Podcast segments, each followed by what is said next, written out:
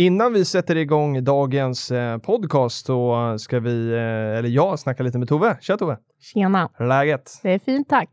Du, eh, varför är vi här och snackar? För att jag har ju fått ditt jobb. Exakt. Stort grattis! Kan jag, nu, nu är ju det här lite på förhand, men det blir i efterhand när ni får höra. Vi har ju redan ställt massor med frågor till dig i Uppesittarkväll så ni kan gå in och kika på. Eh, det här har eh, förhoppningsvis synts över hela social media när ni har den här podden. Mm, det ska bli jättekul att få ta över efter dig. Det känns både eh, ärofyllt men också väldigt spännande och lite pirrigt faktiskt. Det kommer gå skitbra. Det är ganska små, små dojor du behöver över.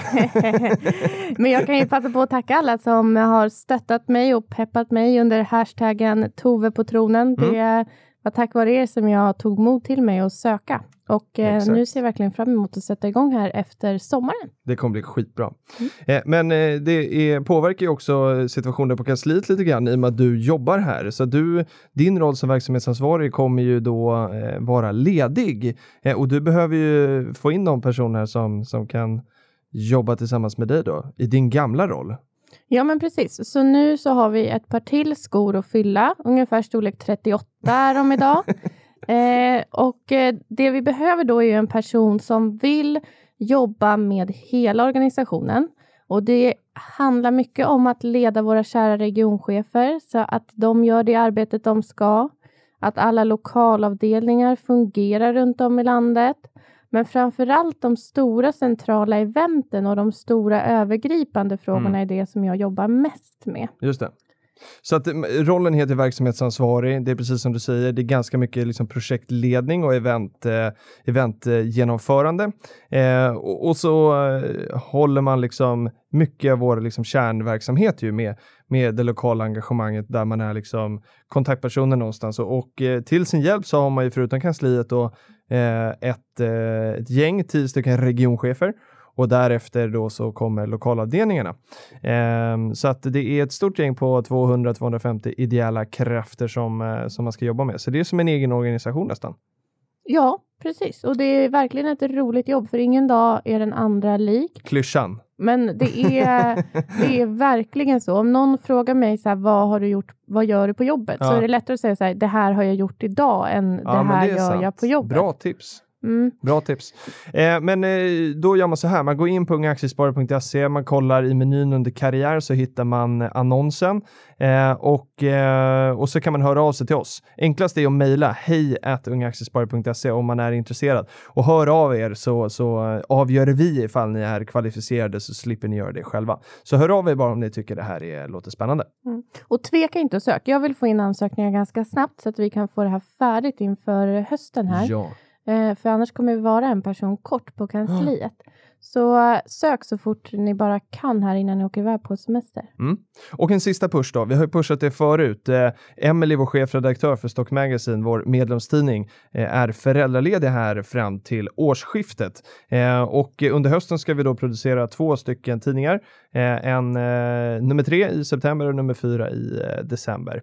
Eh, så att vi behöver en tillförordnad chefredaktör. Så att eh, hör av er samma där till hejatungaktiesparare.se om du tror att, att du skulle tycka det här var kul och så får vi avgöra om du är kvalificerad eller inte. Låter det bra? Låter toppen. Härligt. Vi hörs. Det gör vi. Hej då. Hej då. Varmt välkommen till Prata pengar. Podden, podden där vi djupdyker ner i aktiesparandets fantastiska värld. Här kommer Unga Aktiesparares VD Filip Scholtze, investeraren Niklas Andersson och klippan på klippa Patrik Boström.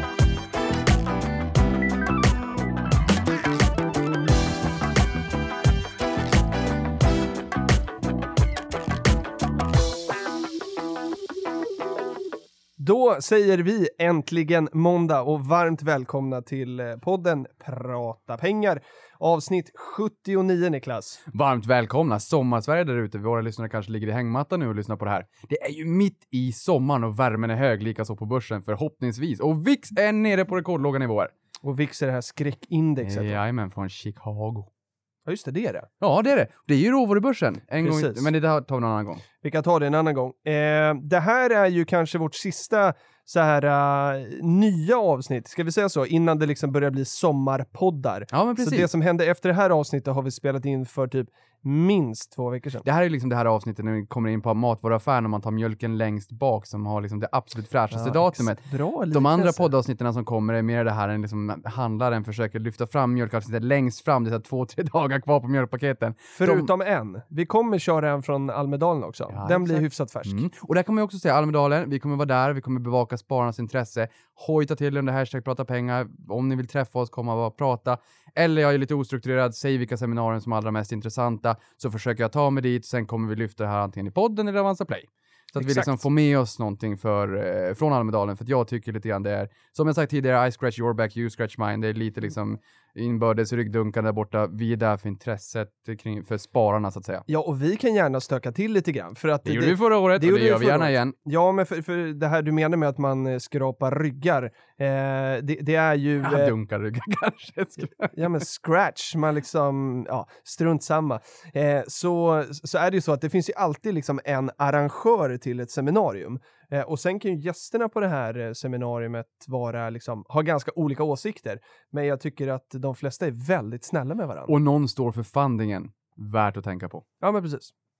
Eh, innan vi, eh, du, eller så här, jag lovade att fråga dig vad vi har gjort i veckan. Oh, fantastiskt! Jag älskar frågan. Man kan väl säga så här, det här bara kort, kort, kort, men jag har blivit så otroligt irriterad på min elräkning.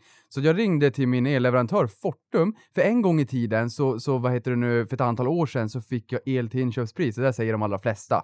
Och det lät ju bra, då stod eh, elpriset till 20 öre kilowatten, sen så steg det upp ganska mycket till januari. Året efter, det här var i december, Nordpol, det är ju elbörsen, precis som råvaror så kommer man se elpriset där. Det här är intressanta och poängen med det här, det är bara att göra din egen analys.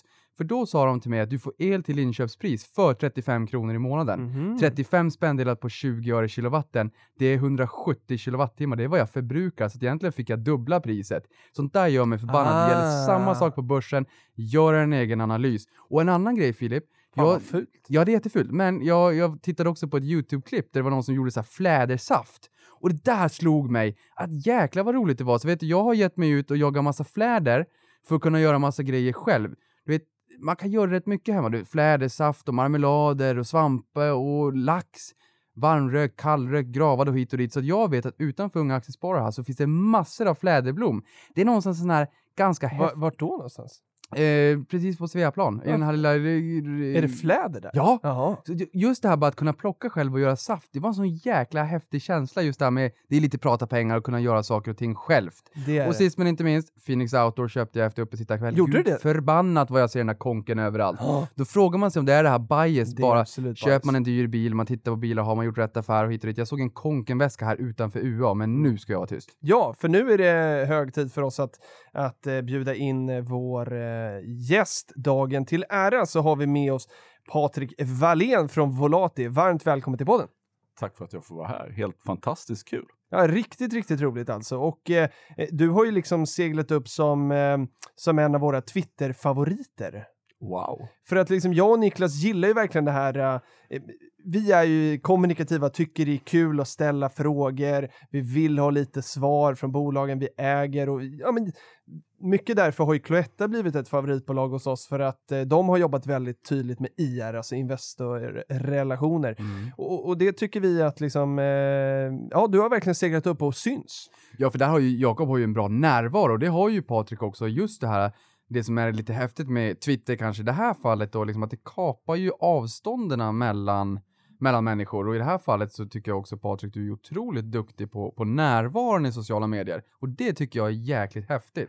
Ja, men det är ju jättekul att vara där. Och man lär sig väldigt mycket, man får mycket lästips, man får mycket inspel och mycket att tänka på. Jag tycker det är jättekul. Och så är det ju kul och jag gillar ju att debattera, så Mm. det är ju också kul liksom. Hela, hela den biten. Ja, men det är verkligen det. Och en sak som man, om man följer dig på Twitter så har man lärt sig att eh, Eh, när du är på kontoret så går det inte så bra för Volati-aktien. Eller så, vi kan säga så här, när du inte är där så går det bra. Ja, men det är ju jättejobbigt att det är så. Alltså Mr Market gillar inte alls mig. Nej. Det, det är faktiskt, jag börjar, ska nog göra en statistisk undersökning på det här, men jag tror att korrelationen är väldigt, väldigt god faktiskt. Och, och då blir man ju supernyfiken på då, sådär, vem är då den här Patrik? Patrik. Som, som, som ser till att Axel går dåligt där på kontoret. Vem är du? Ja, det är ju jag som är där inne och stör Mårten och Mattias som gör allt jobb. Exakt. Nej, 47-årig fyrabarnsfar som älskar fotboll och lagar mat och som önskar att jag kunde spela golf. Mm. Vi är ganska lika där då, gillar fotboll, önskar att vi kunde spela golf. Ja, det är, alltså, det är ganska stark önskan att kunna spela golf, Mm. men totalt talanglös tyvärr. Okej. Men, Ja, men då är vi två. vilka hejar du på i fotboll då? Eh, Arsenal. Ja, Arsenal, okej. Och här i Sverige ett lag som brukar vinna derby. Eh, Bayern då såklart. Mhm. Ja, ja. Så Kul. t- tar vi något annat. Ja, gå vidare. jag fick eh, faktiskt idag från eh, den här, det är ju eh, tragisk historia med, med den här Johan då som har suttit fängslad av Al-Qaida va. Eh, och då var det Miljonär innan 30 som skickade en bild på honom till mig och John Dinkelspiel som också är, är, är väldigt eh, djurgårdare så. Eh, att så här, eh, att han har så här, ja men typ välkommen hem till Sverige, Djurgården har fortfarande inte vunnit något derby liksom. För det var li, ungefär lika lång tid som han har varit fängslad. Ah. Så att man får äta upp den där varje dag alltså. Men, eh, ja men fortsätt. Eh, fotboll, ingen golf. Men hur, eh, vad, vad gör du på Volate då? På Volati så är jag libero för att prata eh, Mm. fotbollssnack. Jag är med lite överallt. Eh, formellt sett sitter jag i styrelsen och är ordförande i vår investeringskommitté. Eh, men jag var ju med och grundade bolaget 2003 och har varit med och förvärvat ganska många av bolagen. Så det är klart jag tycker och tänker om en del andra grejer också. En av huvudägarna får vi säga också då. Ja, det. Ja. Ja, för det här är lite intressant också. Jag menar, vi, vi raljerade här precis innan vi började inspelningen också, att Volati har lite grann eh, resemblance to, to, eh, till Spiltan också, just det här med att ni känner ju varandra sedan tidigare, det här gänget bakom Volati. Berätta mer. Men jag och Kalle pluggade ihop i Lund, eh, startade sen Volati 2003. Eh, efter några år när eh, Mårten Andersson var färdig som koncernchef på Skandia efter att Scandalif hade köpte Skandia så rekryterade vi honom till oss också. Och han hade också pluggat med oss. Och Nicke som tog över efter Mårten på Besikta och är vd där nu har vi också pluggat med. Så vi är ett gäng Lunda-ekonomer. Mm. Björk Mattias pluggade vi inte med men han är också Lunda-ekonom och CFO. Så att, ja. Vad tror du det beror på då? Är det att man liksom känner varandra så väl då? Ja men så är det ju mellan Kalle, mig och Mårten och Niklas. Så är det ju så. Eh, Nicke är jätteduktig, vi försökte fånga honom tidigt. Mårten jätteduktig, eh, som man känner och har följt länge och blev jätteglada när vi kunde rekrytera honom.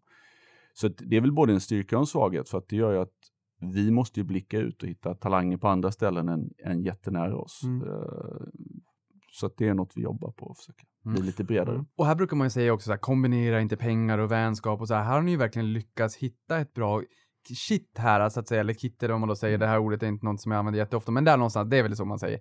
Eh, vänner, bolaget, hur började det? Vad, vad, hur kom ni fram till beslutet att starta Volati och hur har det funkat med att ni känner varandra sedan tidigare? Har det stärkt kulturen eller har det varit lite utmanande under tiden?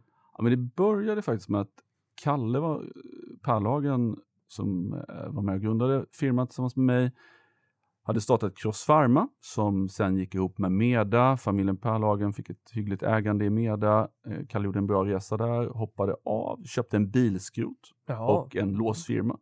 Och så att generationsskiften, det är någonting som håller på att hända. 40-talisterna vill dra sig tillbaka. Mm.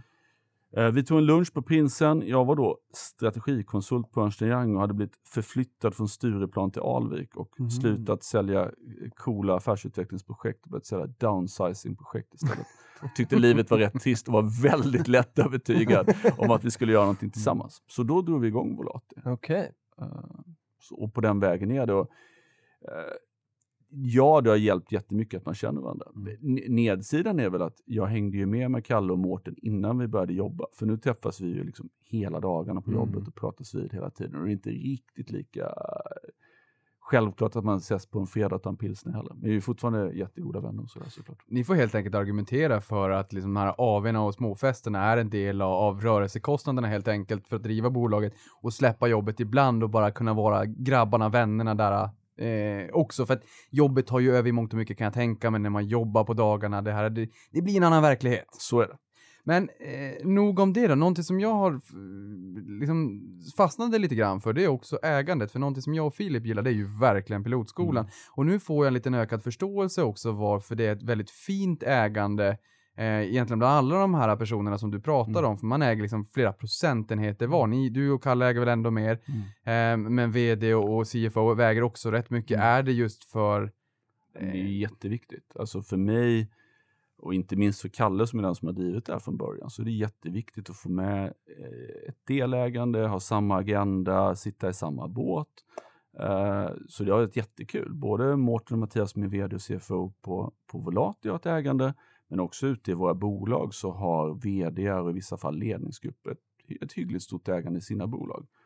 Och inför noteringen så ställde jag och Kalle privat ut eh, teckningsoptioner till, eh, till våra ledande befattningshavare ute i bolagen också. För vi vill liksom ha med dem på resan och är vi glada vill vi att de ska vara glada. Är det här ett Men- hårt eller mjukt mål? Ja, det är bra. Ett hårt eller ett mjukt. Nej, men jag tänker just det här med att ägandet och att man ska sitta i samma båt och att de här underliggande bolagen som ni äger, att de eh, befattningshavarna också har ett finger med i spelet. Är det snarare ett mjukt eh, önskemål om att de ska ha det eller är det mer explicit att ni vill att det ska vara eh, att de ska vara med som ägare i bolagen de driver? Ja, men det, vi vill att vdarna ska vara med. Sen är det inget krav. Men däremot så skulle det skulle kännas väldigt konstigt om man Mm. erbjöd någon ett delägarskap och de tackade nej. Då skulle Ja. jag gå hem och fundera på vad vet du som inte jag vet? Mm, Ja. Eftersom du tackar nej till den här möjligheten. Mm. Men, eh, och, och där är det intressant tycker jag, för att eh, jag eh, upplever ändå bolag som, som har den här typen av incitament, eh, får man ändå kalla det för, som ni som huvudägare då ställer ut sådana här eh, optioner. Hur, hur eh, stannar ni liksom vid management och vid ledande position eller går det hela liksom vägen ner? För att, ja, vi, ja, vi, Ja, men vi tyvärr börjar så är där. ju reglerna i Sverige jättesvåra. Så att det är Kan du liksom- förklara det lite grann? Nej, men med skatteregler och med de bolagsrättsliga reglerna som finns så är det Mm. ju jättemycket begränsningar. Det- Och därför slutade det med att jag och Kalle ställde ut de här teckningsoptionerna Mm. själva. I samband med eh, nyemissionen vi gjorde via IPO så ville vi ge eh, möjlighet till personal att köpa eh, in sig. Men det, det är i princip omöjligt. Men varför då? då? Vad, vad är det med reglerna. våra skatteregler som gör att det är svårt? I, I don't varför? know. Nej. Nej, jag vet bara att det är så. Att det- att det är så- Ja. det är och, med- och, och Filip, det här är en intressant fråga Ja. för att jag eh, poddade ju tillsammans med Laura Rosendahl som är Stockholmsbörsens vd i Almedalen förra året och det här var en fråga i den podden varför man inte från politiskt håll faktiskt kan förbättra skattereglerna för incitamentsprogram och optionsprogram i mångt och mycket för de här startupbolagen. För det är svårt att kunna vara en attraktiv arbetsgivare Mm. och Stockholm som en startup-scen Mm. i världen när det är rätt Fast det där Mm. tycker jag är så fel. Det där är, Det där är fel. Det här blir är spännande. Fel. Ja. men det där reagerar jag på därför att varför ska vi ha särregler för vissa? Mm. Och det är bara för att de huvudreglerna inte funkar. Nej. Det är precis som vi har den här expertskatten. Ja, våra marginalskatter är lite för höga, så vi har Mm. expertskatt. Ja, det är inte bättre att vi fixar systemet så att alla har en rimlig marginalskatt, tänker jag. Mm. Eh, och så tycker jag det med de här personaloptionerna Mm. Som nu är utformade så att ett fåtal bolag kan få, få glädje av dem. Det, jag, jag hade jättegärna kunnat använda de instrumenten också. Mm. Mm. Men, men kan du inte berätta lite grann om resan då, eh, om vi ska ta i korta drag från 2003 fram till liksom börsnotering? Och vad Volati gör för någonting. Ja. För de som inte känner till Volati sen Jag tänker tidigare. att man får lära sig det då. Ja, man får, Mm. go- man Det- får det- googla. det är en resa på 60 minuter. Ja, Mm. ja, men Volati, man kan ju beskriva oss egentligen på två olika sätt. Antingen kan man berätta om vilka bolag vi äger, Besikta, ett av Sveriges största bilbesiktningsbolag, eller Akademibokhandeln Bokus, Sveriges största bokhandlare. Eh, och så har vi 12 till bolag man kan prata om. Eller så kan man fokusera på Volatis huvudkontor. Då kan man väl säga att vi är ett ägarbolag som äger och förvärvar bolag, försöker vara duktiga på att hitta fina bolag att förvärva och försöker vara duktiga på att skapa en miljö där bra företag och bra företagsledare kan lyckas. Mm. Och när du säger sådär så tänker jag ju spontant, för det första, eh, har ni någon exit-strategi eller ägarbolag långsiktigt? Och sen också är det en decentraliserad modell där ni låter bolagen få blomma ut själva men har en förväntansbild på vad de ska leverera in för resultat till Volati till koncernen. Ja, men väldigt bra frågor Mm. som jag ska komma ihåg.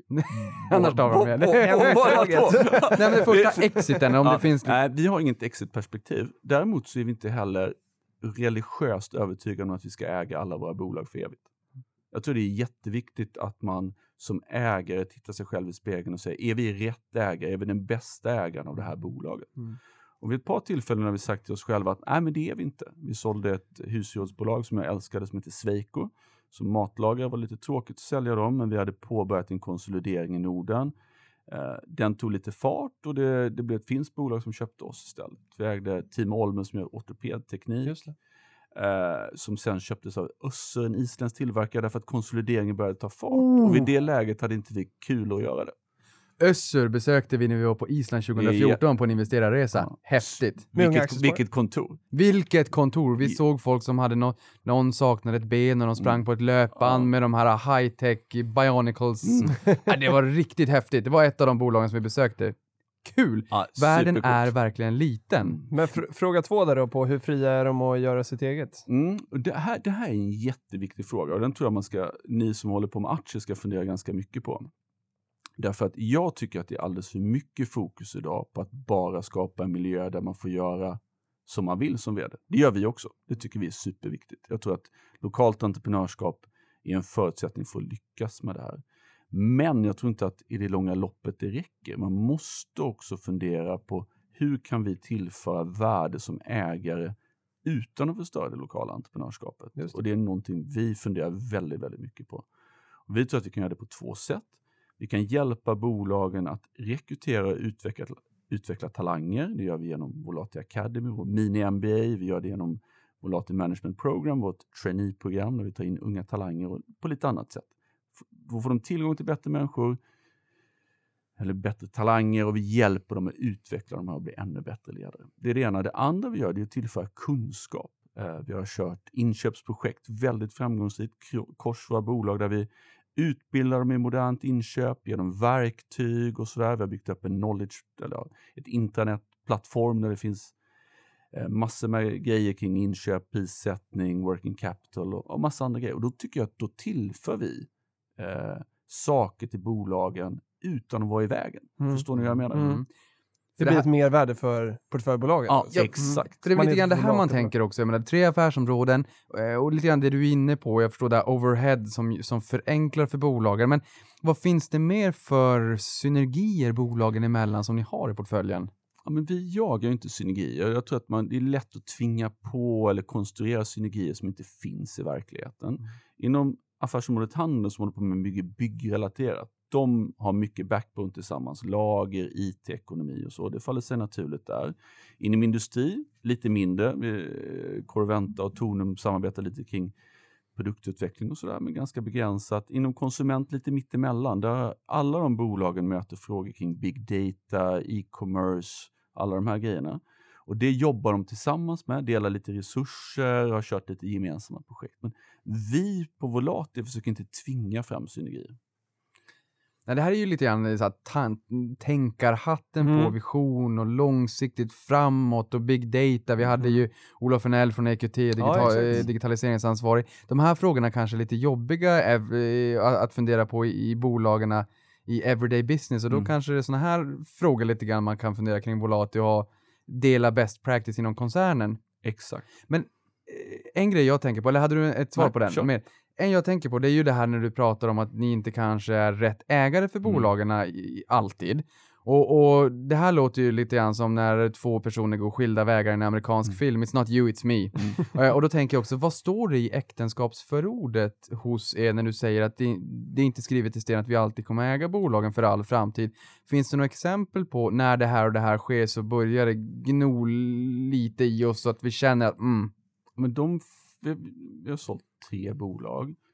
De, ett lite mindre som var lite speciellt, men de två andra har faktiskt handlat om att vi på, vi var med och startade en konsolidering av en bransch och hade inte vid det tillfället finansiella muskler att fullfölja det. Just nu har vi en väldigt stark balansräkning så jag har svårt att se det. Men det kan ju hända att i det tredje fallet blev bolaget lite för litet för oss. Vi hade vuxit, det här bolaget var mycket mindre än vårt näst minsta bolag. Vårt sätt att styra och jobba med bolagen var inte anpassat efter Sandberg och Söner som det heter och då var vi en rätt kass ägare faktiskt. Eh, Så jag tror man måste vara väldigt ärlig och se, kan vi addera värde eller är vi i vägen eh, för det här bolagets utveckling? Men eh, Niklas, du, du eh, drog ju paralleller till, till Spiltan här och eh, de vill ju liksom vara minoritetsägare i Mm. bolag. Har ni samma take eller ska ni äga 100%? Ja, vi är ju absolut majoritetsägare. Vi gillar att bestämma. Mm. Vi gillar, vi, vi tror på att, eller för, jag är starkt övertygad om att bolag mår bra av att vara tydliga majoritetsägare. Mm. Eller tydliga ägare som kan sätta agendan, som kan fatta beslut och där det inte blir limbo. Nej. Jag tycker det är, är, Vad betyder limbo då? Ja, men att man inte kan bestämma sig. Ska Nej. vi göra A eller B? Okej. Och när det finns olika ägare så kan man ju till exempel hamna i en sits att någon vill investera. Någon annan behöver pengar och vill plocka större utdelningar. En tredje tror inte alls att digitalisering är så viktigt överhuvudtaget och vill diskutera någonting annat. Företagsledningen som sitter under den styrelsen kommer till att bli paralyserad och inte Mm. veta vad man ska göra. Hos oss, oavsett om vi har rätt eller fel, så tror jag att vi är väldigt tydliga med vad vi vill och vi är Mm. snabba på att fatta beslut och sådär. Men vilka bolag liksom hamnar i eran lupp då? För Per Börjesson berättar för oss att ja, men, de kan ju bli minoritetsägare, de vill behålla liksom, eh, eh, entreprenören och liksom ha kvar den pilotskolan liksom, i sitt bolag, men, men kan ändå hjälpa till och få en sån här entreprenör att kunna betala av lånen på villan och så här. Det Mm. finns ju sådana. Mm. Men, men den som kommer till er då, vill den liksom casha ut helt och lämna? Vi har gjort ganska mycket generationsskiftesförvärv. Mm. När man helt enkelt har blivit kommit till den punkten i livet där man börjar fundera på att göra någonting annat. Eh, och då Så det är rätt naturligt? ja, tar vi över stafettpinnen. Mm. Och då tror vi faktiskt att det kan vara rätt bra för de bolagen att få in en tydlig ny ägare Ja, med ny energi, nya friska ögon Mm. som tar vid och, och, och, och kanske vågar lite till. Mm. Är lite hungrigare. Mm. Mm. För det här tycker jag också är lite intressant, just det här med generationsskiften. Jag menar, Ja, någonstans också, vi har ju en, en demografisk utmaning, inte bara i Sverige utan även runt om i Europa, där folk blir äldre och äldre och kanske har mycket gamla företag och de här generationsskiftena, de liksom kommer ju närmare och närmare för varje dag. Det kanske inte finns någon naturlig arvtagare. Ehm, eh, jag tänker på, på priser, multiplar. Det bör ju rimligtvis vara så att när det kommer till generationsskiften så kanske det också är mjuka faktorer som påverkar. Man kanske har ägt bolaget länge, man bryr sig om att det blir, går bra för personalen. Och hur, hur går resonemanget kring de här bolagen när ni initierar en dialog? Vi är ju ganska tydliga med vad vi betalar för bolag. Vi betalar ungefär eh, sex gånger ebitda, enterprise value som man säger, Mm. för det skuld och kassa skuldfria bolaget. Eh, Det finns säkert de som betalar mer. Vi är väldigt tydliga, tydliga med det. Eh, Däremot så skapar vi en miljö där många bolag har lyckats och det tycker folk är, är attraktivt. Bolagen får leva kvar i, under eget varumärke, eget namn, Mm. på orten och, och allt det där som också är viktigt. Mm. Inte för alla, men för, för några. Ehm, så att det är väldigt olika. Jag har träffat entreprenörer som bara bryr sig om att maximera prislappen och jag har Mm. träffat andra entreprenörer som bara har massa frågor om vad tänker ni göra med mitt bolag? Vad är er strategi? Vad är ert nästa steg? Kommer ni fortsätta investera? Vad händer med min personal? Glöm inte min kund i Tyskland. Han ska ha besök varje år och så Mm. vidare. liksom. Så det finns båda och givetvis ligger de allra flesta mittemellan. Vi pratar ju om incitamenten också till, till ledande befattningshavare i bolagen. Eh, VD, men VD kan ju också betyda att det kommer en ny person Mm. som blir VD för det här bolaget. Eh, är det vanligt eller förekommer det att grundarna av ett bolag är kvar som minoritetsägare i era bolag? Eh, vi har gjort knappt 25 förvärv och vi har en gammal ägare kvar som minoritetsägare. Så ja, det förekommer men det är inte vanligt. Det, är hardcore generationsskiften som det låter. Det är ett generationsskifte, liksom. man byter helt. Och nu, vi, vi har ju gjort andra affärer också. Vi har Ja. köpt bilprovningen av staten Mm. och vi har köpt eh, Natura med Pharma och Bringwell. Och, ja, vi har gjort olika typer av förvärv, Mm. så att, men, men mycket generationsskifte. Men kan inte du förklara, det här var uppe på, på Twitter eh, med den här beteckningen att vara en industrigrupp. Ja. Ja, det var någon tråd om så här, vad, vad är ett investmentbolag och kan man se er som ett investmentbolag? Och sådär. Och är konglomeraten på väg tillbaka? Ja, just det. Men ni kallar det industrigrupp, vad betyder det? ja, men det är ju det är en superbra fråga. Kan jag få passa på den? Nej, men så här, Nej, eh, men man behöver helt, man, vi, vi, alltså sen 2003 när vi startade har vi brottats med hur vi ska presentera oss Mm. själva. För jag tycker vi är ett eh, vi har försökt ta det bästa från familjebolagsvärlden, investmentbolagvärlden Mm. och private equity-världen och så har vi försökt göra något eget av det. mm. Så har vi letat efter en etikett på, som vi ska klistra på oss själva när vi Mm. ska berätta vad vi gör. Och nu, sen något år tillbaka, kallar vi oss industrigrupp. Eh, Så det är som, det är som Latour typ? Eller sådär. Ja, men du Latour, Latour är jättebra. Jag Ja. läste precis eh, Douglas biografi. Alltså, Jag har inte läst den än. Är den helt, bra? fa- Helt Ja, fantastisk. kul. Fem av fem. Fem av fem. Mm. Men vad var det som gjorde att ni eh, bestämde för att börsnotera den här eh, industrigruppen då? Alltså om man går tillbaka, vi har, precis, vi har gjort tryckta årsredovisningar sedan 2006 tror jag, eller Mm. kanske till och med 2005. Uh, i, och typ den första så skriver jag som då var vd i vd-ordet att vi ska börja förbereda oss för en Mm. börsnotering. Så det har ju varit en dröm vi har Okej. burit med oss. Mest som en kul grej från början. Eh, jag brukar säga att om man inte varit börs innan man är 40 så har man misslyckats. Eh, vilket jag då har gjort. Kraftfullt. Eh, men sen nu när vi gjorde det så var det ju därför att vi kände att vi hade en jäkligt bra affärsmodell. Vi har gjort väldigt mycket bra affärer och kände att om vi fyller på med mer kapital så kan vi fortsätta växa med 35% per år. Mm. Så vi vill, ha, vi vill ha mer kapital så Mm. vi kan fortsätta göra bra affärer. Och då Hur- känner jag Filip, så lite grann vän av ordning, prislapparna där ute, hur har det Mm. utvecklats? Man hör ju i mångt och mycket att börsen är het. Hur, hur ser det ut i den onoterade miljön? Kanske lite Bra, grann då Niklas. mot eh, arvsskiften eller också andra saker som är viktiga. Hur skulle du säga att prislapparna har förändrats sen, eh, sen way back, om, om Sen vi säger way så? back. Ja, vi har gjort Över åren. f- ja, Vi har gjort större och större förvärv. i sig. Men om man tittar generellt Mm. så följer multiplarna på onoterade bolag börsen rätt väl. Ja, det där är Ja. intressant. Mm. Men det, Mm. man förstår det men det är ändå Ja, intressant. Mm. Så det, det, de korrelerar eller följer Mm. varandra. Mm. Eh, tittar man på våra förvärvsmultiplar så är de förvånansvärt stabila. Vi eh, går ju, har ju lagt ut det flera gånger i våra kvartalsrapporter där man kan se alla förvärv vi gjort över, med ett värde över 25 miljoner eller vad det är. Och vi snittar strax under sex gånger. Vårt senaste förvärv, eh, land, Akademibokhandeln, landade på 6,1. 6,1. Så vi ligger ju väldigt stabilt. Ja. Och nytt affärsområde. Nytt affärsområde. Kommer det finnas fler bolag som fyller på det här nya affärsområdet? Eller blir det liksom bara Bokus Akademibokhandeln och så stänger man igen den där? Ja, det vet man ju faktiskt Nej, aldrig. nej. Det är en bra Säger fråga. han och ler. Ja, nej men det vet man inte. Men det, vi, vi kände så att det här är ett så pass stort bolag. Det har dessutom en obligation som är noterad och som Mm, därmed har rapporteringskrav. Att baka in det med konsument skulle bara kännas liksom lite avigt. Så vi bestämde oss för att låta oss lägga det separat och särredovisa det. För det kommer vi ändå inte att behöva göra med, i och med bonden. K- Kan vi bara, eh, det här med ebitda och så här, jag vet att vi slänger oss med lite svåra ord. Och det här är ju bara en prislapp som vi pratar om här. Men Patrik, om du skulle förklara bara, när ni köper sex gånger ebitda, Mm. vad, vad betyder bara ebitda snabbt? Så att, så att eh, även jag förstår och varför sex gånger? Må, måste du luften? förstå eller måste de som lyssnar förstå? Nej men jag, jag, jag, jag, jag känner med lyssnarna. Ja, det är ja, inte jag- helt klockrent det här nämligen. Jag tänkte tvärtom. Uh, tänkte att lyssnarna Ah, är jaha, redan... Ja. de- ah, okej. Ja. Okej, då är det för mig som inte fattar. EBT har ju rörelseresultat före avskrivningar och nedskrivningar. Så att, eh, det, är, det är resultatet före av och nedskrivningar, det är före räntor, det är före skatt. Så vi är en bit upp i resultaträkningen. Eh, man brukar säga att ebitda är en bra proxy för det fria kassaflödet. Eller det, det, det är ganska en, en bra... Om du inte vet hur kassaflödet ser ut så är, det bra att titta på ebitda för då får du en fingervisning om var det fria kassaflödet Mm. ungefär ligger någonstans.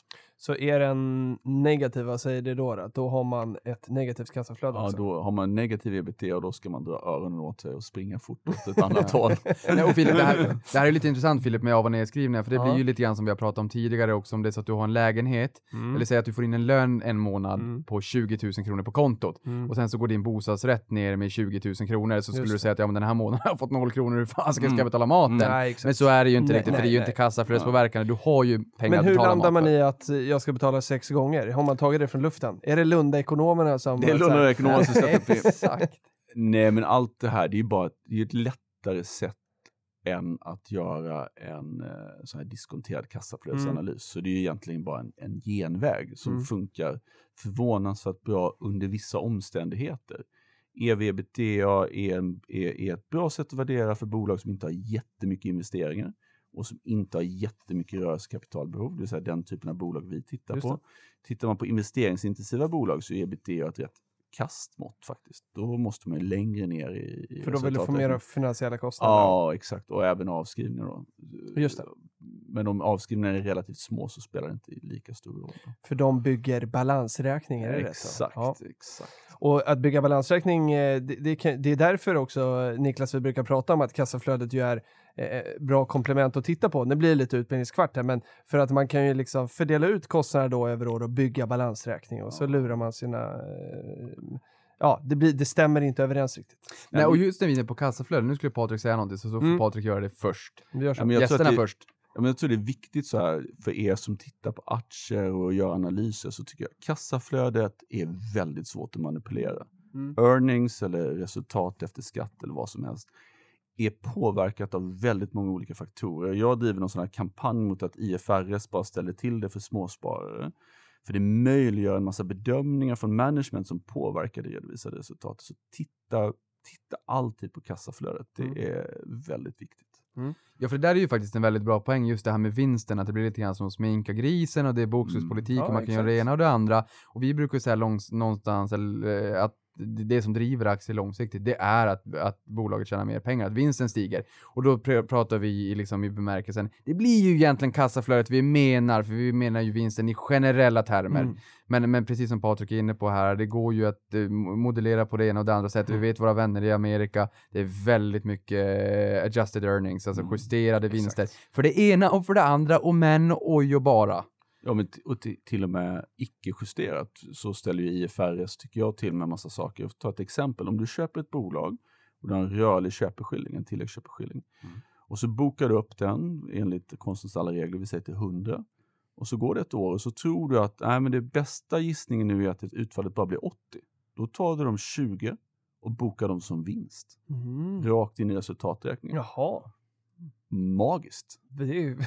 Eh, och det, och det finns andra sådana exempel där IFRS är väldigt liksom klurigt. Och ni känner ju alla till att 2019 så ska vi börja redovisa eh, alla hyreskontrakt som att det är finansiell leasing och då ska vi dela upp hyreskostnaden i avskrivningar, räntekostnader. och kommer till stöka till det rätt mycket Mm. med både resultat och balansräkningar. Men det här med bolagen just med tilläggsköpeskillingar Mm. är rätt intressant också. För att eh, för de som lyssnar på det här som inte känner till det sedan tidigare så är det väl ganska vanligt kan jag tänka mig ändå att skriva någon klausul om tilläggsköpeskilling om det är så att, att resultaten exploderar efter att man köpt det här bolaget. Är det alltid så när ni köper bolag att man skriver liksom en, en liten klausul sådär? Vi gillar inte tilläggsköpeskillingar faktiskt därför att eh, min erfarenhet av tilläggsköpeskillingar är att det ofta leder till att man blir lite osams faktiskt. Mhm.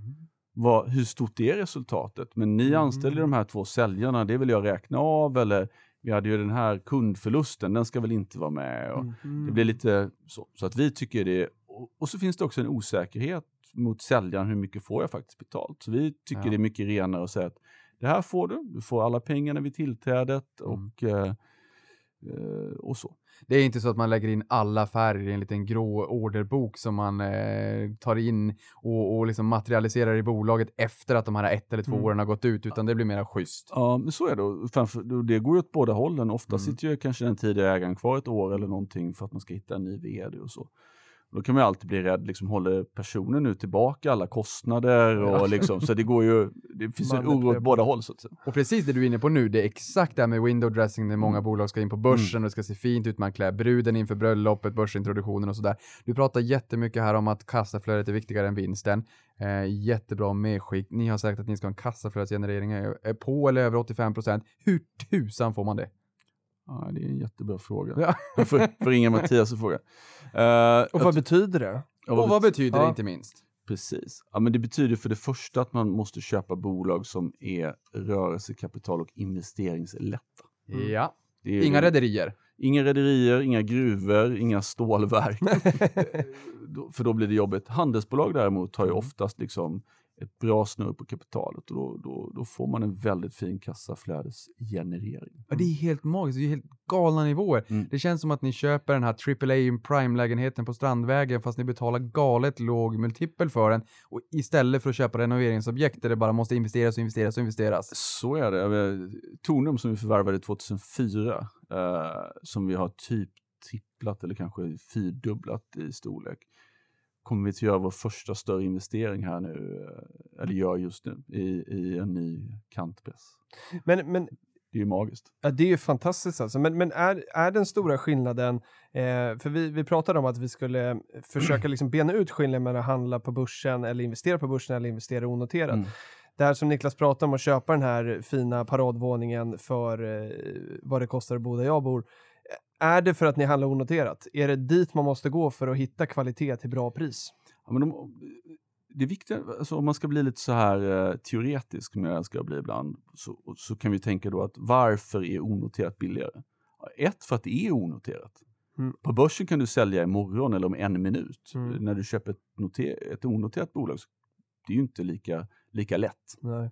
Eh, ofta köper vi ju mindre bolag än de du hittar på börsen. Det finns även en slags storlekspremium därför att mindre bolag anses mer eh, riskfyllda. Så det Mm. fi- finns ju massor med parametrar som gör att onoterat är och bör vara billigare än, än, än noterat. För att risken är högre då? Ja, risken Mm, uppfattas i alla fall som högre. Det är ju det... Vad, vad, vad jag älskar att göra för någon typ av förvärv är ju förvärv där andra uppfattar risken som högre än vad jag själv gör. Mm. Det är ju det, liksom, det är Det drömmen. Ja. Folk tittar på det. Jag tycker Besikta Bilprovning är ett jättebra exempel på det. Ett bolag som staten sålde. De hade precis sålt apoteksmonopolet och det var lite stökigt. Det fanns ingen uppenbar tillväxtagenda. Många intressenter drog sig tillbaka. Mm. Vi hade en helt annan vy på det. Vilket skapar en god möjlighet för oss att göra en bra affär. Och hur gick snacket internt där då när det kom förslag på att man skulle glesa besiktningsintervallet från ett till två år? Ja, men det Sen var, backade man ju från det.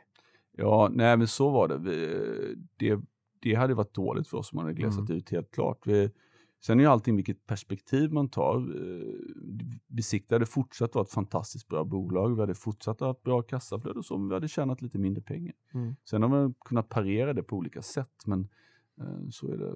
Det, hade varit, det, var vi lite nervösa för och väldigt glada när, Mm. inte bara för vår egen skull ska jag säga, det var bra för miljön och trafiksäkerheten också. Mm.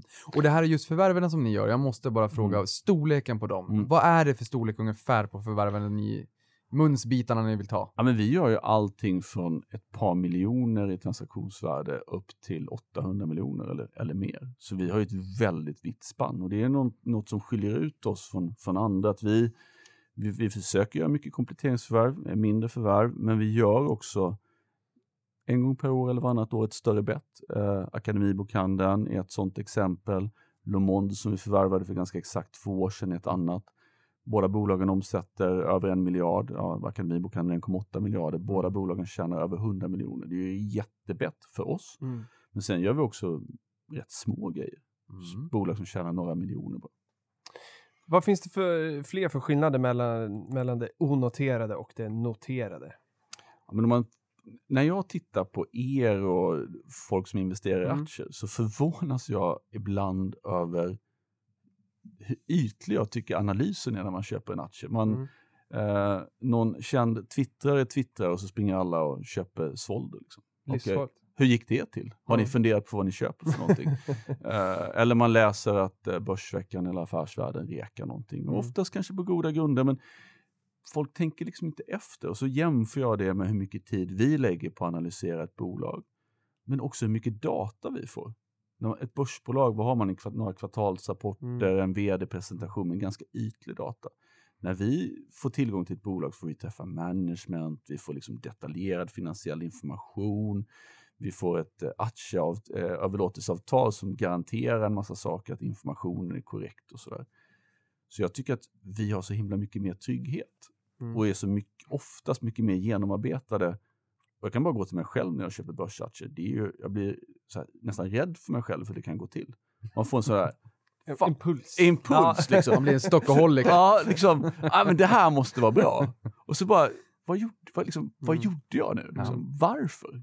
Och någonstans är det väl så här, de, eh, både unga aktiesparares och aktiespararnas gyllene regler har ju liksom satts upp för att följer man dem så ska man komma liksom, ja, så långt ifrån den risken Mm. som möjligt. För att det är ju det beteendet som, som eh, de här privatspararna har och liksom vi runt det här bordet också då. Men liksom, vad, vad är dina bästa tips då för att man ska liksom, undvika det? För jag och Niklas försöker ju också någonstans eh, hålla nere trösklarna. För att vi Mm. träffar ju alldeles för många och inte minst tjejer som tycker att nej, men liksom, det krävs för mycket av mig för att handla aktier och vi försöker ju sänka dem och så här, Mm. men lär dig längs vägen. Mm. Det är därför jag sitter ändå och frågar om ebitda för att det, Mm. jag kan säga, ja, ah, jo, jag vet vad det är, men det är ändå kul att repetera det.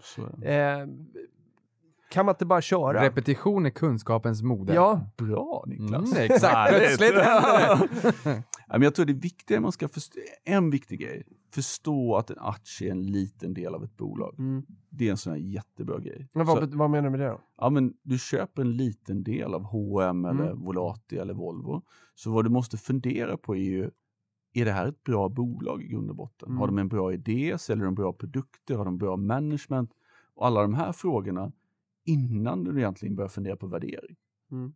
Eh, om man i alla fall är långsiktig och inte bara ska ta en, till, en, en, liksom en, en möjlig felprissättning. Nej, exakt. Och Filip, det här gillar jag. Det är Mm. för att eh, i mångt och mycket när, man, när jag brukar få frågor på eh, Twitter om eh, bitcoin och, Ja, och olika kryptovalutor, då säger jag jag kommer aldrig erkänna det som en investering, det är en spekulering och då säger de du spekulerar i aktier, säger jag nej det gör det inte, hade, inte- hade inte kunnat vara mera fel. Därför det jag gör är ju att jag investerar i underliggande bolag, det jag tycker om, bolaget, framtidsutsikterna, bolagets egen performance, ledningen. Exakt. Sen blir ju aktien på börsen blir ju egentligen bara ett derivat av vad man tror om framtiden på börsen och en spekulation av bolagets framtida vinst och värdering Mm. och kassaflöde och allt vad det då är. Och det här är ju väldigt intressant att höra just att gör hemläxan och någonstans börja med bolaget och personerna som är satta att driva det här bolaget snarare än, än, än bara aktien och prisfluktuationen på, på en aktie.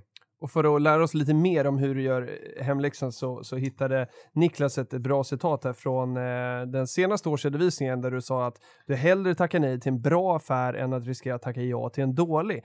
Och, och det här är ju lite Warren Buffett-stil ju. Han, han pratar ju mycket om det här tålamod, man ska bara stå och vänta liksom, på rätt läge.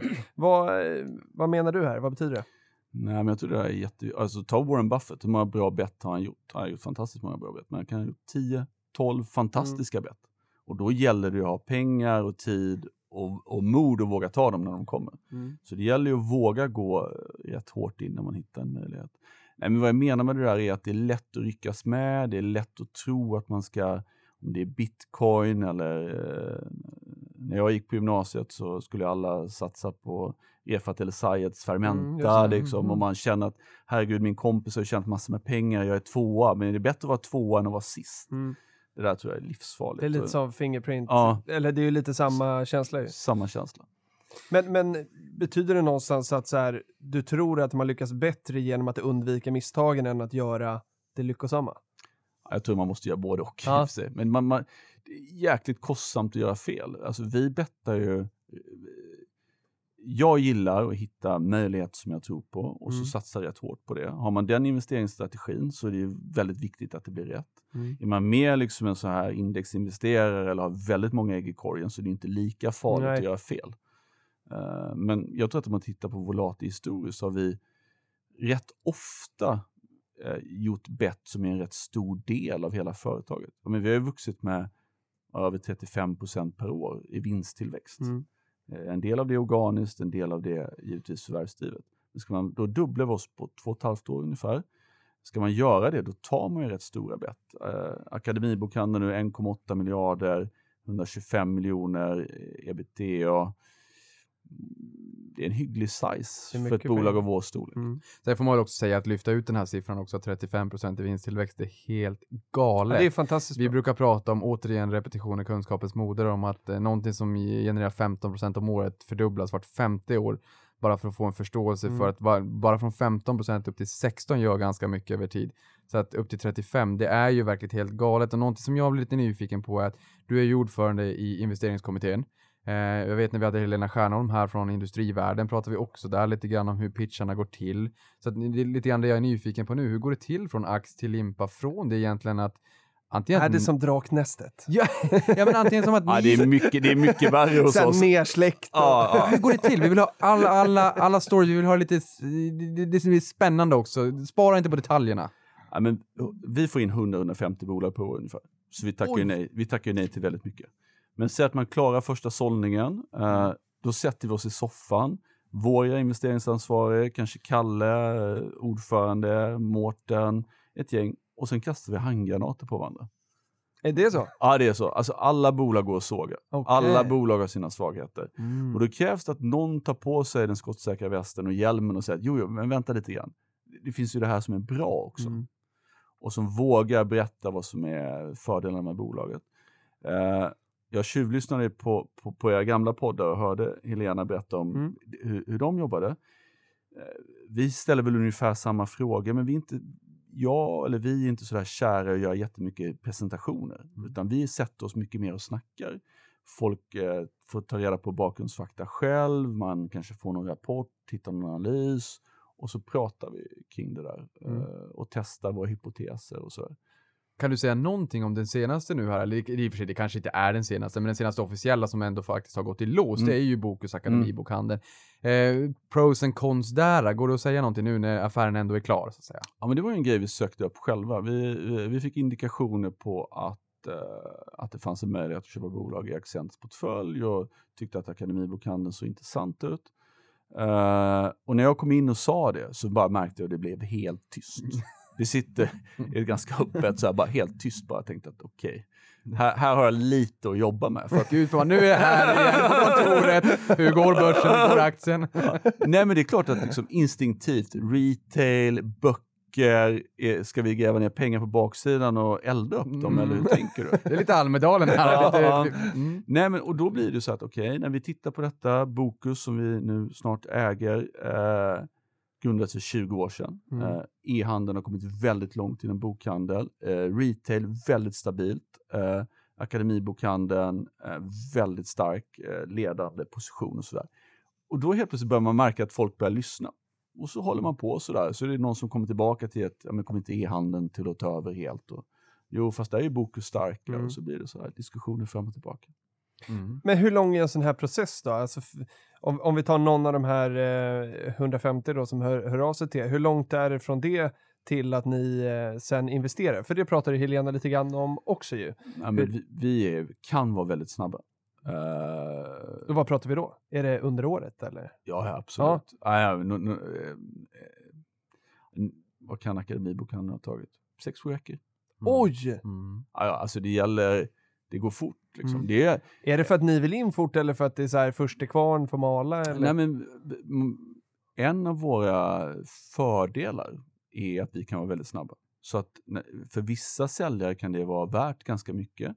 Man Mm. får hög, det kallas deal certainty, man blir, är, är trygg med att vi kan ta affären i hamn. Mm. Vi ser till att fatta alla beslut tidigt och så vidare. Och då är det rätt skönt för en säljare, inte minst om man är professionell säljare som Accent är, att okej, ja, men vi vet att med Volati så grejer vi detta på två månader. Eh, pengarna på, på banken, eh, inte, för, inte en för krånglig process. Så det Nej. kan vara en jättefördel. Och visst har ni nettokassa nu va? Vi hade nettokassa innan vi gjorde Akademibokhandeln, Innan som vi closar eh, ja, här i dagarna. Just det. För det ni pratar om lite grann, det, det jag är nyfiken på här nu, det är vilka nyckeltal som ni tycker är extra intressanta. Om Mm. ni, nu har vi pratat lite grann om att det är mjuka värden och man, man diskuterar sinsemellan och kastar handgranater på varandra. Men, men just det här också, om man nu måste prata utifrån nyckeltal, kassaflödesgenereringen, return on capital eh, employed, vad, vad är, vad skulle du säga, vad är intressant? Hur tänker ni kring nyckeltalen? Vad går ni igång på? Vad får ni gåshud i den här investeringskommittén? Ja, men vi gillar stabila resultaträkningar. Alltså eh, gärna res eh, resultattillväxt, men i hyggligt måttlig takt. Vi gillar låga investeringar, alltså en lätt balansräkning, en affärsmodell som inte kräver att man investerar för mycket. Och också en balansräkning som inte innehåller för mycket rörelsekapital. Ja. Så då tittar man på ebitda, om man tittar på ebit, och så vill man inte att det ska vara så stor skillnad på de två. Nej. Eh, för då har man hanterat investeringsdelen. Mm. Eh, man, vi gillar bolag som är skuldfria, som har starka balansräkningar, välinvesterade. Man känner bara att wow, här är det en, en tidigare ägare som har gjort sitt arbete och byggt det här sten för sten och mycket eget kapital. Det här är ju lite intressant för du ser liksom, fin balansräkning, skuldfria. Eh, pengar är billigt idag. Det innebär ju inte att man bara ska sätta eh, fingrarna i syltburken och landa med att man måste byta ut hela skjortgarderoben. Men, men eh, någonstans gerar ni bolagen för att få upp lönsamheten lite grann på eget kapital, eller hur ser det ut? Ja, ja, absolut. Ja, men vi har ju, nu har vi en väldigt låg skuldsättning, men vi har kommunicerat att vi vill ligga un, net debt ebitda under 3,0 och nu ligger vi under 1 efter Akademibokhandeln. Okej. Eh, historiskt har vi legat kring 2,5 kanske. Men en, en fråga som jag bara kommer på så här. Ja, det blir din sista. Åh, nej, är det sant? Ja, det är nej, men jag tänker bara, i och med att det är så här, kassaflödesgenereringen är stark, hur, hur lång tid tar det egentligen från, säg det här Bokus Akademibokhandeln nu, till att det börjar trilla in pengar i bolaget, till att pengarna börjar brä- bränna lite grann i fickan? Ja, men det där får ju aldrig hända. Det där är liksom nyckeln som investerare, att aldrig känna att pengarna bränner. Att alltid vara iskall och vänta på rätt, rätt läge. Vi har, förra året tackade vi nej till jättemycket fina bolag för att Mm. vi tyckte de var för dyra. Vi hade finansiellt utrymme att göra dem. Man skulle till och med kunna argumentera för att det var rationellt att göra dem. Men vi tyckte att det blev för dyrt, så vi Mm. tackade nej. Så det, det, det är eh, disciplin, superviktigt. Men du Filip, Ja, jag tänkte så här, jag ställer min sista och sen får du ytterligare en. Så Bra. fick du två jag en. bra, bra, Ja. bra, bra, bra. För Så jag- fundera nu har- medan jag ställer min sista. Exakt. Ja, men en till bara. Du sa ju Eh, två. Nej, nej, du ställde din sista nu. Och så Ja, får det jag- säger man i efterhand. Det är så här Filip, härskarteknik. Jag säger och det är jag. Eh, min eh, sista fråga blir så här då. Jag är ju aktieägare i Volati eh, och, om, eh, och jag är väldigt långsiktig sådär. Och jag undrar ju då någonstans, eh, och säkert många lyssnare, vad är Volati om tio år? Det där är ju en helt omöjlig fråga att Vart svara på. vill du att Volati ska vara om Nu får jag en kvart att fundera på min nästa fråga. Ja, men så här, om man, vi har ju kommunicerat att vi ska fördubbla resultatet eh, från IPO till 2019. Mm. Eh, tio år är en väldigt lång tid. Om jag tittar tillbaka Ska vi till... köra fem år då, som är Ja, men- kortaste för att investera? Ja, men vad, vad blir det? 2006 om vi skulle backa tiden. Vad omsatte Ja, då? Typ jäklar. så här 250-300 Ja. miljoner. Nu omsätter vi 5 miljarder. ja, men vi kör fem år då. Ja, men fem år. Nej, men vi, vi gör det vi gör idag, fast vi är lite större. Vi fortsätter göra bra investeringar. Vi blir ännu vassare på att eh, ta fram och stötta våra bolag. Mm. Eh, men same same, men större. Coolt. Niklas? Ja, ja, alltså Filip, hade jag haft mer tid så hade jag ju frågat lite grann om industrilogiken i Bokus att men vi kan, ta det, vi kan träffa Patrik igen, eller hur? Ja, för det tror jag det är många som funderar på lite grann, fast ni hade ju ett conf call också, conference call här, där man kanske kan gå in på er sajt och lyssna på det, hur Här ni är också fördelen med argumenterar att för det. Patrik är i sociala medier, för man kan ju fråga dig där. Exakt. Mm. Exakt, men då har jag ju en fråga som jag vet att folk kommer att vara nyfiken på. Eller egentligen har jag två, fast den andra är supersnabb. Jag lovar att den är supersnabb. Det är okej, det är okej. Men, men, den första det är lite grann, preferensaktien no- noterades innan stamaktien. Mm. Eh, för de som funderar lite grann kring preferensaktier, i ert fall, varför emitterade ni en preferensaktie? Eh, vi, det är ju två år sedan lite drygt. Eh, efter det har vi fördubblat bolaget lite drygt. Vi har gjort sju förvärv. Eh, och allt det där har varit möjligt tack vare preferensaktier. Vi fyllde på med 750 miljoner som möjliggjorde vår fortsatta tillväxtresa. Fördubblat oss på mindre än två år, eller på två år ungefär. Det hade vi aldrig gjort utan preferens. Nej, för just det här är lite intressant när man, eh, må- många kan tycka att med en preferensaktie på 7% låter jättedyrt. Mm. Vi tar 7% som ett exempel taget ur luften. Men om ett Är det fastighetsbolag... dyrt för Volati? ja? Nej, alltså det är dyrt, eh, säga nollränteklimat, Mm. 7%, man Jo, tycker det låter jättedyrt. Om vi tar eh, fastighetsaktier som ett exempel, om de går till banken och får låna 70% till 3% för att Mm. Exakt. då har man pant. Och sen så får man låna de sista 30% via en, att man tar in pengar och ger ut en Mm. preferensaktie, men där får man betala 7%. Då blir ju vacken, alltså det viktade kapitalkostnaden blir 4,2%. Ja. Man köper en fastighet för 6,5-7, man är kassaflödespositiv direkt. Och det är där logiken ligger och det är det jag lite grann är inne på här också. Eh, uppenbarligen så låter det som att ni verkligen har kunnat använda pengarna på rätt sätt så att det blev en billig finansiering Ja, ändå. Det är en jättebra, alltså jag är förvånad över att inte fler förstår attraktiviteten med en pref, både för oss som emittenter, det möjliggjorde oss att bli dubbelt så stora, men även för investerare, för då står det inför ett val, i alla fall nu efter vi har noterat stammen, att stammatchen, mer tillväxt, men kanske inte lika mycket utdelningar. Preferensatchen, ingen tillväxt, eller ja, vår har väl gått 40 sen notering med, med inklusive eh, utdelningarna. Mm. Men säkrare eh, utdelningar. Mindre Mm. tillväxt, säkrare utdelningar. Mm. Man kan välja. Vilken var din sista snabba Ja, då? och nu, och nu här från första början så vill jag bara eh, be er och alla lyssnare om eh, ursäkt och jag kommer få äta upp det här men jag har två frågor till. För jag kom precis på det. Alltså, jag vill ju Men- bara skapa tid för att du ska ha ett Ja, jag, ja, nyhetsflöde. ja, jag vet. Men, men, men det jag tänker på, Charlie Munger och Warren Buffett. Charlie Munger har ju sagt det där med, de, de, de tog ju eh, Benjamin Grahams lära och sen så utvecklade de det där lite grann och sådär. Och Charlie Munger har ju sagt att return on equity eller räntabilitet på det egna kapitalet, om man har ett bolag som tjänar 20%, eller vi säger så här, man har ett bolag som tjänar 5%, Mm. över tid oavsett vad du köper den här aktien till så kommer det inte bli så mycket bättre än 5%.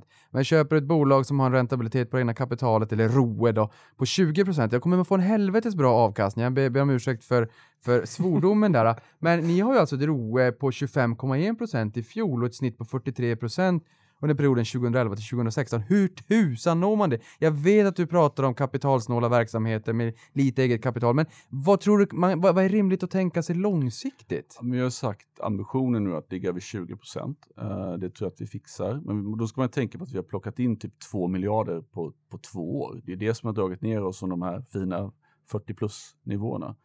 Uh, Så har lite bilringar kring midjan på det här Lidingö-loppet. Man måste, de här pengarna måste sättas i arbete för annars Exakt. drar de ju ner lönsamhetsmåttet. Exakt, men jag tror att eh, som vi har kommunicerat tror jag att 20 procent, det löser vi. Eh, knepet är köp bra bolag, betala inte för mycket och se till att du har lite lån i balansräkningen. Sweet. Jo, min sista fråga. Det här Ja. med bilringarna kring Lidingö-loppet. Ja, det- Åh, vad fantastisk övergång det här är. Det är för min nästa och sista fråga är att om man tittar på personalen på er hemsida, så där det står så här meriter på, under bilderna, så har alla skrivit respektive, alltså, olika lopp. Maraton och Lidingö-loppet. Vad beror det på? Är ni liksom en bunt hurtbullar på kontoret? Ja, men varken Kalle eller jag lyckades ta examen från Lund så vi var ju tvungna att lyfta fram någonting annat. Får jag kuppa in en grej Niklas? Jajamän, Bara det för att du. tog sista. Att jag läser de fem första punkterna i nyhetssvepet. Jag har gjort Så det? kanske går lite fortare.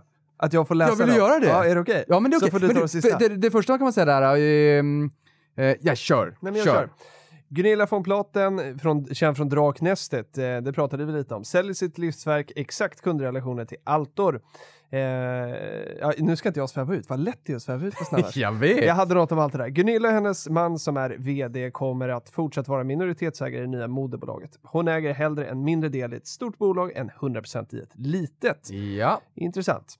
Eh, Apple har ingått avtal med, Hatch om att hyra en mindre bilflotta för att testa sin mjukvara för självkörande fordon. Detta samtidigt som Googles moderbolag Alphabet gjort detsamma med Avis. Hatch rusar 13,7% på beskedet. Stopp! Och Inte där kan man också säga, i morse såg jag i, terminalen att Autoliv och Volvo som har ett samriskbolag tillsammans, ett litet nätt samriskbolag där man har 600 personer. Det är ganska stort tycker jag. De tecknade avtal i morse, eller det kom åtminstone ut information i morse med Nvidia. Och det är i och för sig fasiken Ja, också. Den här kom- kommer ju i nyhetssvepet längre ner. vi det där var dumt gjort av mig. Restaurangkedjan Vapiano som eh, vi har pratat med ibland som jag gillar att gå till eh, börjar handlas på Frankfurtbörsen idag och tar i samband med sin IPO in kapital för att fortsätta sin expansion. Förhandstipsen är en värdering på omkring 600 miljoner euro. Jajamän, nu har du bränt dina tre. Och grejen är, det roliga här... Nej, jag skulle få första fem. Nasdaq Jaha. har inte haft en nedgång på 5% från sin toppnivå. Eller har, jo, har inte haft en nedgång på Exakt. eh, 5% från toppnivå på 158 dagar, vilket är den längsta streaken sedan 1989 enligt Finwire. Och min sista då innan du får ta över. Ja. Warren Buffett köper 9,8% av Store Capital som är en fastighetsinvesteringsfond eller REIT, vad är det då? Ja men right, Real Estate Investment Trust, och det där är ju så här, det är någonstans utdelningsobjekt, det, det, det är en typ av eh, bolag egentligen i USA och även vi, globalt. Vi pratade lite med Farbror Fri om det. Ja, de måste Ja. dela ut 85-90% och då får de lite speciella eh, aktie, eh, skatteregler. Så man delar ut nästan hela resultatet, då Fortsätt slipper bolaget betala skatt. Det blir ju liksom någonstans ett sätt att, att, ehm, att möjliggöra för den stora massan att tillsammans äga fastigheter. Ja. Bolaget beskattas inte, det är ägarna som beskattas. Så att, ja, men det är liksom... Ny vd för Kinnevik, Niklas. Exakt! Och det kan man ju säga, de stal ju Dustins Georgi Ganev som blir ny v- vd för Kinnevik där då. Och förslag, eh, förslaget här kom faktiskt från Kristina Stenbeck eh, direkt. Mm. Eh, och dessutom någonting som jag tycker är intressant, det är ju pilotskolan. Det har vi pratat om mycket här med Patrik också. Eh, och vdn tar ett kontantlån då av Kristina för att kunna köpa in sig i bolaget om 20 miljoner kronor. Eh, jag tycker om det här, jag gillar, han har erfarenhet sen, av Kinnevik sen tidigare, bland annat med Tele2, men också att man går ut direkt och säger att okej, men jag kommer att köpa aktier i bolaget, jag vill ha en stake med i det, jag tror på bolaget, jag hade gjort exakt samma sak själv. Vi likar. Vi likar. Sen kan vi säga krisande japanska Takata, som är Autolivs konkurrent, lämnar in ansökan om konkursskydd. Det här har ju varit en, en vad ska man säga, ongoing eh, härva egentligen, eller härva, det låter som att man har gjort något dumt. Det har de ju inte, men man hade ju problem med krockkuddarna där och det har ju faktiskt blivit den största återkallelsen i USAs bilhistoria som är det största billandet i världen, så det har varit jobbigt för dem. Nu säger jag här också att snart så slår vi 60 sekunder. Jag har ju som mål som ni vet som sitter och lyssnar. minuter. 60 minuter. Jag har ju som mål, ni som lyssnar på det här, att jag vill försöka ta mig över så Filip eh, misslyckas med att hålla inom timmen. Nåväl, det här har ju varit jobbigt för honom. Nu har han lämnat in och Det är ansökan bara om Patrik som får konkursskydd. det jobbigt. Det är han som klipper. Ja, exakt. Ja. Sen kan man väl säga så här också, att Jaha, EQT okej. planerar att sälja Eh, vi hade Olof Hernell, förra avsnittet, digitaliseringsbossen där som han sa. Eh, Anticimex, de funderar på att sälja en minoritetspost i bolaget. Då vill jag säga bara en flaggning här. Gör ingen off-market transaction, ingen private placement, lägg det på börsen. Vi har ju liksom Volati här, de köper gärna Anticimex, i alla fall en del av det. Och dessutom har jag också hört att här... ja, men, och jag menar, Patrik, du får, en, du får 30 sekunder här. Du hade ett bolag som är underleverantör till Anticimex, berätta. Corventa, störst i Sverige på krypgrundsavfuktare som vi säljer via Anticimex. Så att krypgrund, se till att du har en röd burk hemma, är den blå, byt på en gång. Strongly recommended by the owner. Ni vill inte köpa en villa och sen så är det liksom fukt i krypgrunden, det blir jä- jättejobbigt och sen så kan ni inte köpa aktier och, och sparkvoten sjunker. Och sen har vi det här sista med Autoliv och, och Volvo och Nvidia, men det har vi redan sagt. Ja. Nvidia steg 223% på S&P 500 förra året, det var raketen. Det här med autonoma fordon, det är glödhett och det växer. Och det här ser vi inte minst med tanke på det här nya samarbetet. Ja, vad härligt. Ja, Och eh, jag vet att imorgon Niklas så ska du spela in ett avsnitt där vi kommer ha lite så här topp tre-tema. Och då, då vet jag att eh, en av frågorna vi kommer få är vilka är våra topp tre eh, av våra egna poddar. Eh, och det här skulle nog kunna segla upp sen här, för jag har haft det riktigt roligt idag. Alltså. Det har varit superkul att ha dig här Patrik. Eh, otroligt eh, intressanta svar på våra frågor och bara härlig stämning i studion. Ja, men det är så det ska vara. Liksom. Man- Vi vill ju någonstans, och det är ju en timma, och vi har ju sagt att vi skulle ha en halvtimme, sen vart det en timme och folk vill ha ännu längre, men vi vill ju liksom få fram människan och personen och att det ska bli liksom lustfyllt och roligt. Och det känner jag. Jag, menar, jag gillar när man går ut ifrån poddstudion och har den här feelgood-känslan i magen. Exakt. Stort tack för att jag fick vara här, det var superkul. Ja men roligt och vi, vi ses eh, i något sammanhang snart igen och om inte annat på, på Twitter. Eh, tack för att du är så, så kommunikativ och tillgänglig, det gillar vi aktieägare. Vi säger så då, ha en eh, god sommardag. Hej då! Ha en god sommardag.